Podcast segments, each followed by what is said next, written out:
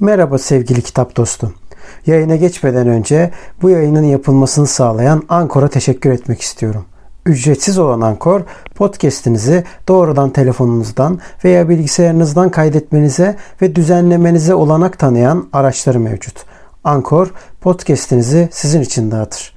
Böylece Spotify, Apple Podcast ve daha pek çok yerde sesiniz duyulabilir. Üstelik minimum dinleyici olmadan podcast'inizde para kazanabilirsiniz. Tek bir yerde podcast hazırlamak için ihtiyacınız olan her şey Ankor'da. Yayına geçmeden önce hadi vakit kaybetmeden ücretsiz Ankor uygulamasını indirin veya başlamak için ankor.fm'e gidin. Şimdi podcast'ime geçebiliriz.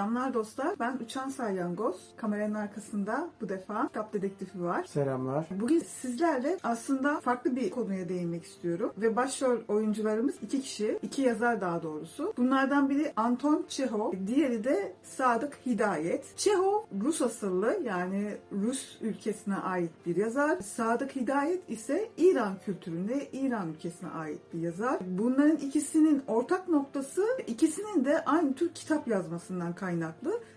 ve Çehov'un kitabı Kaştanka adında bir hikayesi var. Birazcık daha çocuklara yönelik gibi gözüküyor. Daha yumuşak yazılmış bir kitap. Ama Sadık Hidayet'in kitabı da yine Çehov'un Kaştanka kitabına çok benzer. Fakat ağır travmalarda, psikolojik olarak ağır travmalar geçirmiş bir köpeğin hikayesini anlatıyor. Yani Çehov'un hikayesine göre, Kaştanka hikayesine göre daha ağır travmalar geçiren bir köpeğin hikayesini anlatıyor. İlk önce size biraz Çehov'dan çok böyle spoiler vermeden birazcık anlatmak istiyorum. Kaştanka ilk ailesi aslında bir marangoz ve bir de marangozun bir çocuğu var. Bunlarla birlikte bir yerde işte e, marangozhanede yaşıyorlar. Kaştanka aslında hafiften bir e, şiddet görmesine rağmen aileyi seviyor. Hatta marangozun kendisinden çok çocuk birazcık buna işkence e, gösteriyor. Ama buna rağmen Kaştanka aslında seviyor yaşadığı ortamı. Bir gün işte marangoz yaptığı işleri götürmek için Kaştanka ile birlikte merkeze iniyor. Orada işte giderken belli yerlerde duluyor. İşte barda, işte tanıdıklarının yanında vesaire. Ve orada içki içmeye başlıyor. Her durduğu yerde bir içki, bir yiyecek tüketmeye başlıyor. Tabii gitgide daha da sarhoş oluyor. Ve Kaştanka şöyle bir şey düşünüyor. Kaştanka'nın aklından geçen şey sahibi onun efendisi olduğu için ona her şeyi yapabilir gibi düşünüyor. Sahibinin dışındaki insanlar ona müşteri olarak gözüküyor ve ısırılması gereken müşteriler yani insanlar olarak görüyor. Bundan dolayı sahibinin dışında olan insanlara devamlı havlıyor. Bunlardan birisi de işte bir müzik çalıyor. Çok rahatsız oluyor. Karşıya geçiyor müziği duyduktan sonra. E, geri geldiğinde sahibini yerinde bulamıyor. E, epey bir dönüyor, dolanıyor vesaire. En sonunda işte birkaç gündü galiba biraz dolaştıktan sonra bir tane palyanço geliyor. İyi bir palyanço denk geliyor. Ve Kaştanka'yı işte görünce e, seviyor, okşuyor, ona bir şeyler yemekler falan veriyor ve Kaştanka'nın yanında bakıyor yani kimsesiz olduğunu anlıyor ve onu yanında evine götürüyor. Orada da Kaştanka'ya yine yiyecek bir şeyler falan veriyor. Kaştanka orada evin içini o yedi, yemek yerinden o odayı incelediğinde kendi eski sahibinin olduğu odayla kıyaslıyor ve şey düşünüyor. İşte diyor bu oda ne kadar boş hiç güzel değil. Galiba çok fakirler gibisinden öyle bir düş, düşünce geliyor. Ama benim eski sahibim odasına kadar doluydu. İşte bir sürü ağaçlar, marangoz eşyaları, işte benim yatabileceğim böyle şeyler var. Bir sürü talaş ve talaş kokusu olduğunu ve işte böyle acıktığında canı sıkıldığında e, tutkal yalıyor. O tutkalın kokusunu kokusu geliyor burnuna. Bu onun için aslında çok güzel ve oraya özlemini daha da bir pekiştiriyor. Neyse en sonunda işte palyonçu aslında Kaştanka'yı sirkte oynatmak için eğitiyor. Bu biraz işte birazcık daha devam ediyor. Aslında biraz fazla spoiler verdim bu konuda. Diğer e, Sadık Hidayet'in aylak köpeğinde ise bu arada Sadık Hidayet'in köpeğin ismi Pat. Orada ise birazcık durumlar daha ağır İran kültüründen dolayı. Çünkü Bir de ikisi, iki ülkenin benzer iki özelliği var. Birisi Çarlık Rusya, diğeri ise İran Şahı'nın hüküm sürdüğü bir ülke ve ikisinde de baskı, özgürlük kısıtlaması çok fazla. Aslında burada köpek üzerinden hem Çehov hem de Sadık Hidayet insanları aslında tarif etmeye çalışmış. İnsanların çok acı çektiği halde bir türlü o içinde bulundukları o durumdan çıkamadıklarını çok hüzünlü bir şekilde anlatıyor. Çehov'un e, kaçtan kası birazcık daha hafif kalmış. Yani birazcık daha böyle bir sevgiye maruz kalmış bir köpek. Birazcık daha yumuşak geçiyor onun hikayesi ama Sadık Hidayet'in kitabı ise birazcık daha ağır. Ben çok etkilendim onu okurken ve çocukların kesinlikle okuyamayacağı türden bir kitap. Ki bana kalırsa Çehov'un kitabı da bence biraz çocukların okuyamayacağı türde bir kitap gibi geliyor. Dediğim gibi o birazcık daha yumuşak kalıyor Sadık Hidayet'in aylak köpeğine karşı. Pat'ın da tek istediği yani bu kadar çaresizliğin, bu kadar yalnızlığın içinde sevgi. Ee, o sevgiyi devamlı aradıkça e, onun yerine dayak görüyor, tekme görüyor, tekmeleniyor, devamlı dışlanıyor, ötekileştiriliyor. Aynı İran'daki diğer insanlar gibi, oranın halkı gibi devamlı bir dışlanma ve ötekileştirme ve eziyet, işkence görüyor. Bunu Sadık Hidayet gerçekten çok güzel işlemiş. Psikolojik olarak da çok güzel işlemiş. Ve şey var, ikisinin arasında şöyle bir şey araştırma yani e, bu iki kişiyi araştıran araştırmacılar şöyle bir şey söylüyor. Sadık Hidayet mi Çehov'dan acaba okumuş da örnek alıp böyle bir şey yazmış yoksa Çehov mu Sadık Hidayet'ten böyle bir şey almış? Yani örnekleme yaparak bir kendi kültürüne uydurmuş bir hikaye yazmış. O aslında kesin belli değil. Çünkü İran'da Şah zamanında Şah dönemi olduğu için Rusça konuşmak yasaktı ve hatta birçok Rus bilen kişi e, kişiler halk yani Rusçayı unutmak için epey de bir çaba harcıyorlarmış. Bu da galiba şeyden de bunu sen daha iyi biliyorsun. Bu Ruslara karşı işte 19. yüzyılın başları olduğu için o şeyi sen daha iyi biliyorsun. Bir, biraz anlatır mısın? Sovyetlerdeki işte devrim dönemine denk geliyor. Dolayısıyla da o dönemde tabii çok ciddi olarak devrime yansımaları oluyor. İran'a da yansımaları oluyor. Bunun neticesinde de içeride ciddi bir örgütlenme ve artık yoksullukla mücadelenin artık kazanımlarla sonuçlandığı dönemlere giriyorlar falan. Dolayısıyla da bunun İran'a yansıması Şah'ın değiştirilmesi oluyor. Şah sonra kendi oğlunu getiriyor. Oğlunu getiriyor ama oğlu da biraz uyanık bir tip. Dolayısıyla da diyor ki ben babamın yaşadıklarını yaşamayacağım ve bunun yerine işte daha uzlaşmacıyım gibi gözükmeye çalışıyor. Evet, Ki daha batı yanlısı babasından galiba. Daha beter bu arada. E, Daha batı derken öbürü de daha batı, öbürü de batıcı ama bu ekstra batıcı. Yani öyle bir şeyleri var. Neden? Zaten en sonunda kaçması ve İran devrimine sebebiyet ver yani İslam devriminin sebebiyet vermesinin neticesi de bu bundan kaynaklı yani. Tamamen batıya çok fazla yanlı olması. Hatta o kadar ki yani seninle yaptığımız daha önceki sohbetlerde falan da söylüyorduk ya. Bu mesela Cumhuriyet'le Türkiye Cumhuriyeti'ndeki ilk Cumhuriyet kurulduğu zaman ki fotoğraflarla İran devrimi öncesindeki fotoğrafları anlatıyorlar. Böyle kıyaslıyorlar falan. Çok internette meşhurdur karşılaştırma. Evet, Eskiden böyle Hümeyni geldi böyle oldu falan diye sürekli gösteriyorlar falan. Halbuki o dönem kelimenin tam anlamıyla bir diktatörlük dönemi.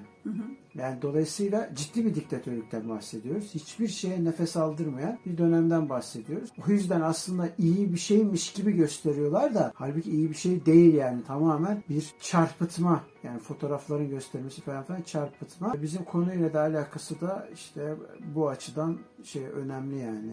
Çünkü birbirleriyle alakasız iki kültür var ama iki zulüm gören halk var ve bu iki zulüm gören halkın neticesi sonuç olarak aynı oluyor. Bir tanesi daha erken devrimin patlaması sonra Türkiye e, şey, İran'a yansıması. Evet. Ve işte bu yazarlar üzerinde etkisi olmuş. Yani Rus edebiyatının İran'a girmemesi yazarlara da etkilemiş. Bu yüzden devamlı yazarlar Rus çevirilerden daha çok ikinci el çevirilerden yararlanmışlar. İşte senin dediğin gibi birazcık daha batıya şey olduğu için işte Almanca, İngilizce bir de Fransızca dillerinden yararlanmışlar. Hep Avrupa'ya. Evet evet yani Rusçanın kendi dilinden yararlanmamış yasak olduğu Yani için. Şah mesela en son kaçtığı zaman ise İngiltere'de kaçıyor orada ölüyor.